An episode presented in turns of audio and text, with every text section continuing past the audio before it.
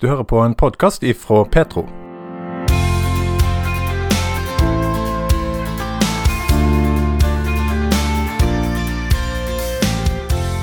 Vi blir påvirka av de vi har rundt oss, og måten vi blir speila av andre, gjør noe med oss. I denne serien på åtte program så skal vi se nærmere på tema som sorg, samlivsbrudd, når eh, barna har eh, forlatt eh, trua de vokser opp med, og det å være sårbar. Nå skal det handle om når barna forlater trua de er vokser opp med. Sju av ti unge forlater kirka de vokser opp i, når de er blitt unge voksne. Dette viser undersøkelser fra USA.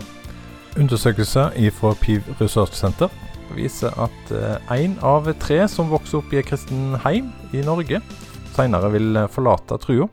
Mona Sætre jobber som sjelesørger i Norsk Luthersk Misjonssamband. Og hun sier at det kan være utrolig sårbart for foreldre å oppleve at eh, barna deres ikke lenger deler trua. Det er et veldig veldig utfordrende tema, og jeg tror det er et viktig tema. Um, nei, jeg tror ikke det blir snakket mye om.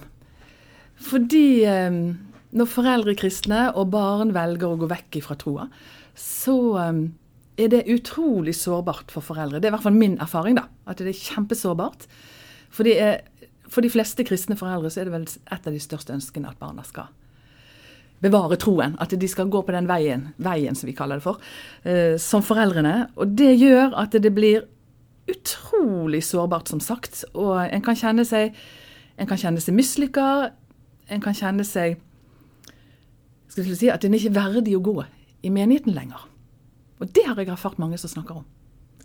Hva er grunnen til at det, det blir så alvorlig? For det er jo Da går det på trua til foreldrene, da? Ja, Det spørs hva du legger i at det går på foreldrenes tro. Men eh, ja, det går jo egentlig på det at de skulle overført. Barna skulle fulgt dette.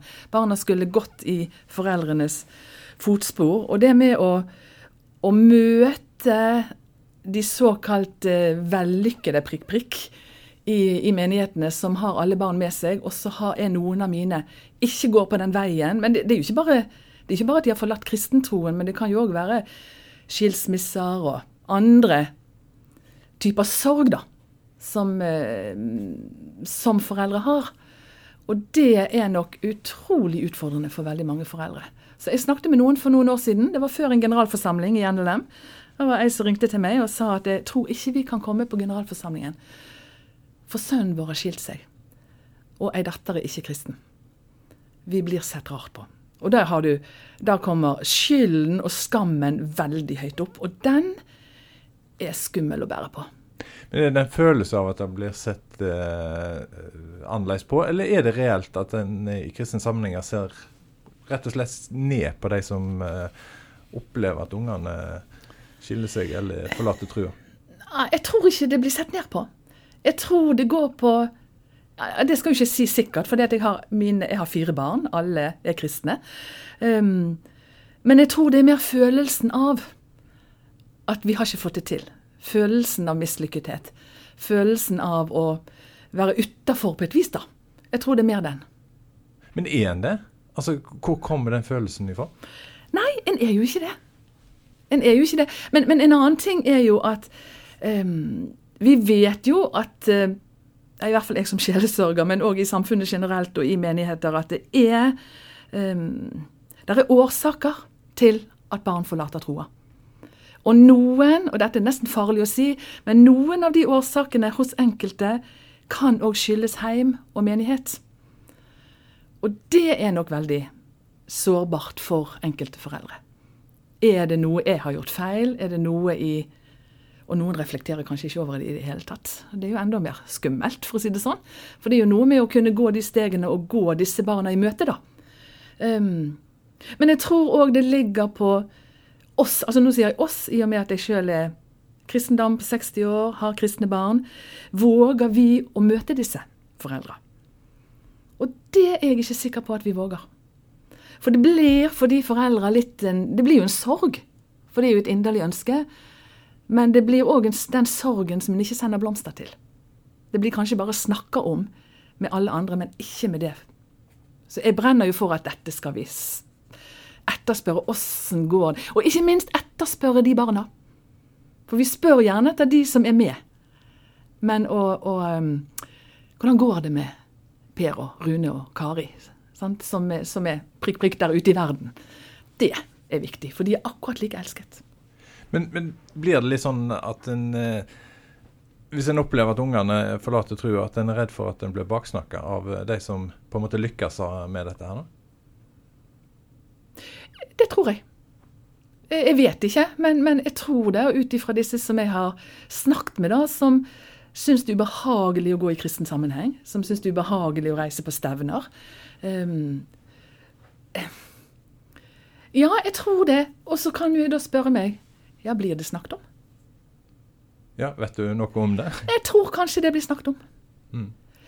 Det blir i hvert fall snakket om annerledes barn, da. På en måte som ikke alltid er helt god.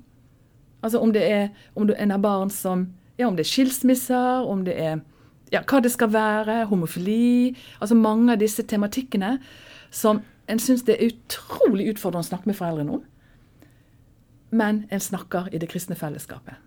Og noe av det skumleste jeg vet um, Det blir en annen ting, da, men jeg syns det er viktig. Det er disse såkalte bønnemøtene som vi har. Ikke såkalte.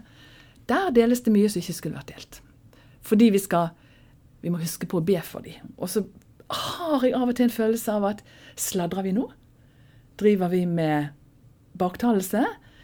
Og så rettferdiggjør, rettferdig, ja, rettferdiggjør, heter det, um, i forhold til at vi går inn i et bønnemodus. Vi skal selvfølgelig be, men uh, ja, obs, obs, altså.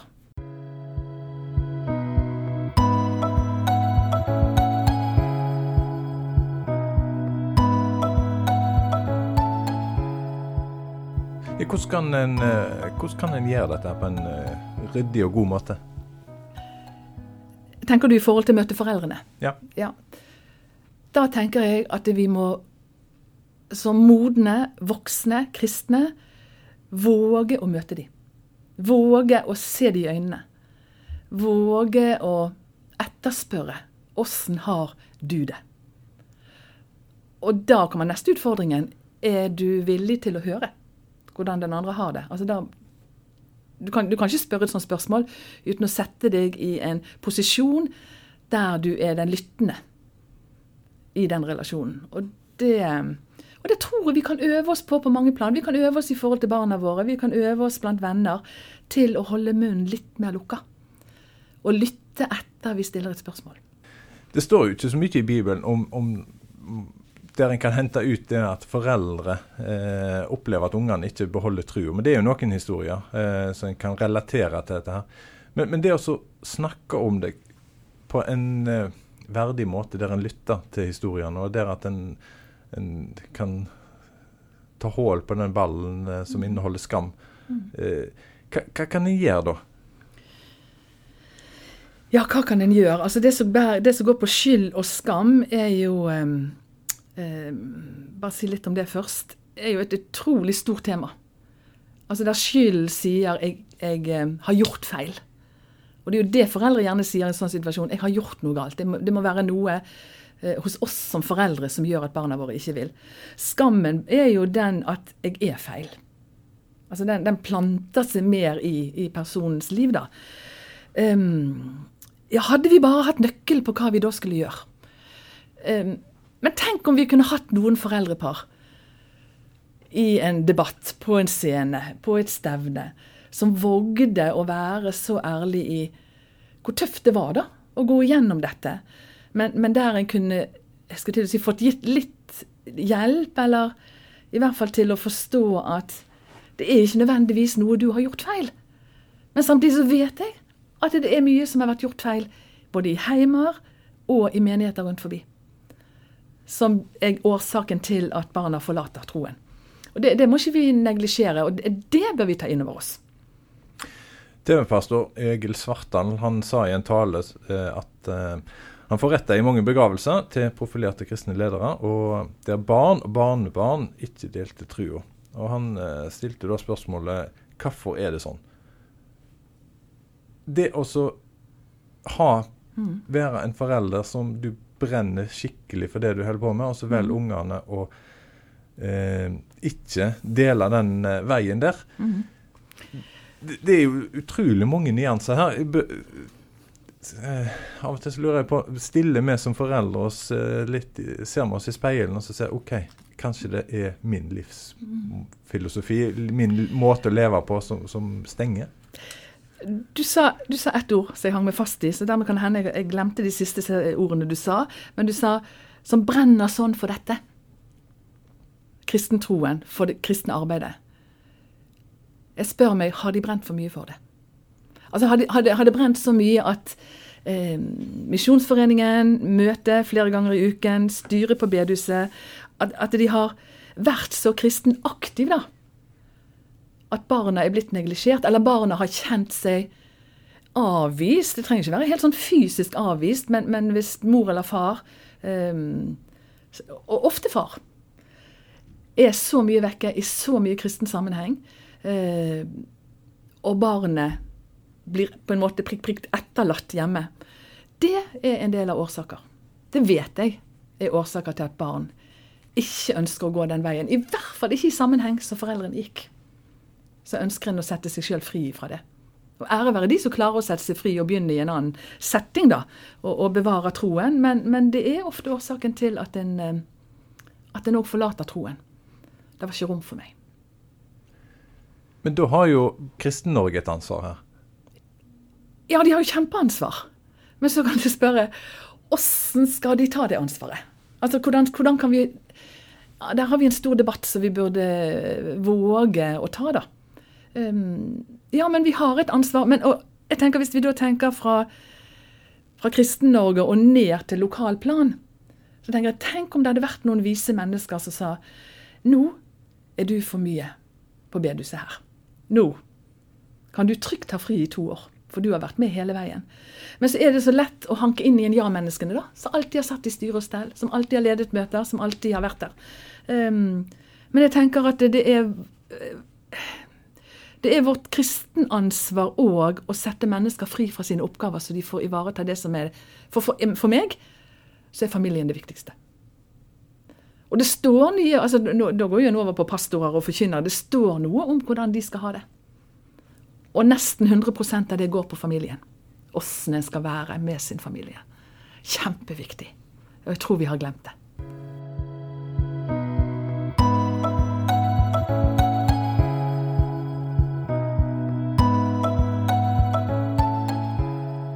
av og til rammene i heimen og rammene på bedehuset og i menigheter um, er så fastrammet. Altså rammen er så satt at hvis du har en følelse av at ikke du passer inn forbi der, um, så må du gå. Og det er jo kjempetrist. Og jeg har bare ei dame som jeg snakket med for mange mange år siden, som ikke lever nå, da. Um, som sa det. Hun var på et møte en gang, og det var kor, og det var trommer. Det var den tiden trommer ikke skulle være, og elgitar og hele greia. Um, og så sa hun med tårer i øynene Hadde det vært sånn da mine ungdommer vokste opp, hadde de kanskje bevart troen. Men det var så strengt, det var så rammer, og de elsket musikk, og de elsket dans. Så jeg, jeg sier innimellom takk og lov at vi er kommet lenger der, men så har vi andre kjepphester som ikke vi ser i dag. Det er jeg helt sikker på at neste generasjon garantert vil ta oss for. Men hvis jeg nå har unger som forlater trua, eh, så kan jeg jo kanskje nå få inntrykk av når vi snakker nå at det toget er gått, men, men det er jo fremdeles muligheter til å, mm. å, å få en dialog mm. eh, og, og, snakke om dette her. Hvordan kan en snakke med unger som eh, har forlatt trua? Altså det kan en, Hvis det da går først til foreldrene, da så tror jeg at um, vi som foreldre, jeg sier vi, um, må sette oss i en pos posisjon der vi skulle til å si jevnt og trutt, forhåpentligvis i hele barndommen, men om ikke han har gjort det før, kan komme inn i en forsoningsprosess. Um, og der en må på en måte legge seg flat tilgi meg. Hvis vi da går tilbake til det med at en var for aktiv i kristen sammenheng, kan du tilgi meg? for at jeg var så lite til stede. Det er noe av det jeg angrer mest på. Um, og om tilgivelsen blir gitt eller ikke, det vet en jo ikke, men at en legger seg flat. Jeg skulle ønske Hadde jeg fått begynt om igjen, så skulle jeg gjort ting annerledes. Um, og jeg tenker noe av det samme kan gjøres i, um, i menigheten. Og jeg tenker, Tenk om vi kan skape noen sånne forsoningsarenaer i våre menigheter. Der vi, der vi, setter fokus på det. Der forkynnelsen blir livsnær. da. Så foreldre kjenner nå, jeg har faktisk en jobb å gjøre. Jeg må gå mine barn i møte. For jeg tror det er foreldrene som må gå barna i møte, og ikke vice versa. For barna er, kan være så såret eller har valgt. Og, og, det er jo mange årsaker til at barn forlater troen. Det kan jo være at de, de bare kom frem til at jeg kan ikke tro på dette, så foreldrene mine. Det er ikke sannheten for meg. Altså, Du har jo mange nyanser, men, men en vet at det er utrolig mange sårede barn der ute. Sårede voksne barn. Det å begynne på en sånn prosess er ja. ganske uh, omfattende. Kan ja. være ganske tøff. Uh, ja. Kan være rett og slett veldig tøff prosess å gå gjennom. Mm. Fins Altså Nå er du sjelesørger. Det betyr at du går i lag på en, en vei i en sånn prosess. Ja. Eh, hvor viktig er det i eh, si, kristen, eh, i en sånn prosess dette her, å, å, få begynt å snakke om det, sånn at en er på en måte klar sjøl til å høre historien til ungene? Eh, ja, det tror jeg kan være mm, Jeg har ikke tenkt på det sånn. Men, men, jeg tror det kan være veldig viktig å ha noen å dele disse utfordringene med, så en får sortert. Den sorteringsprosessen er enormt viktig. Hva, hva skjedde? Hva skjedde i oppveksten? Hva, hvordan var jeg til stede for barna? Altså den, og det er ikke enkelt å gjøre i, i eget hode, fordi at en kommer så fort inn i skyld og skam. Men der en kan få um, jeg skulle til å si veiledning eller motspørsmål eller utfordringer av den andre personen. Um, det tror jeg, det tror jeg er kjempenyttig. Og, og det med å, å, som foreldre våge å lytte til det voksne barnet. Hvordan var det for deg? Vi, altså, våg å ta imot det. Det er tøft. Det er beintøft. Men å da ha noen som fanger en opp etterpå, eh, er vel kanskje noe av det som er, av det som er viktig, da. Tenker jeg. Mona Sætre jobber til daglig som sjelesørger i Norsk Luthersk Misjonssamband. Du kan lese mer om eh, dette arbeidet på nettsida sjelesorgogveiledning.no. Ønsker du noen å snakke med, så kan du kontakte Kirkens SOS på nettsida deres, eller du kan ringe dem på 22 40 00 40. Jeg heter Bjørnstane Haugland, og denne programserien er laga med støtte fra Medietilsynet. Du har hørt en podkast ifra Petro. Flere podkaster finner du på petro.no og i appen Petro.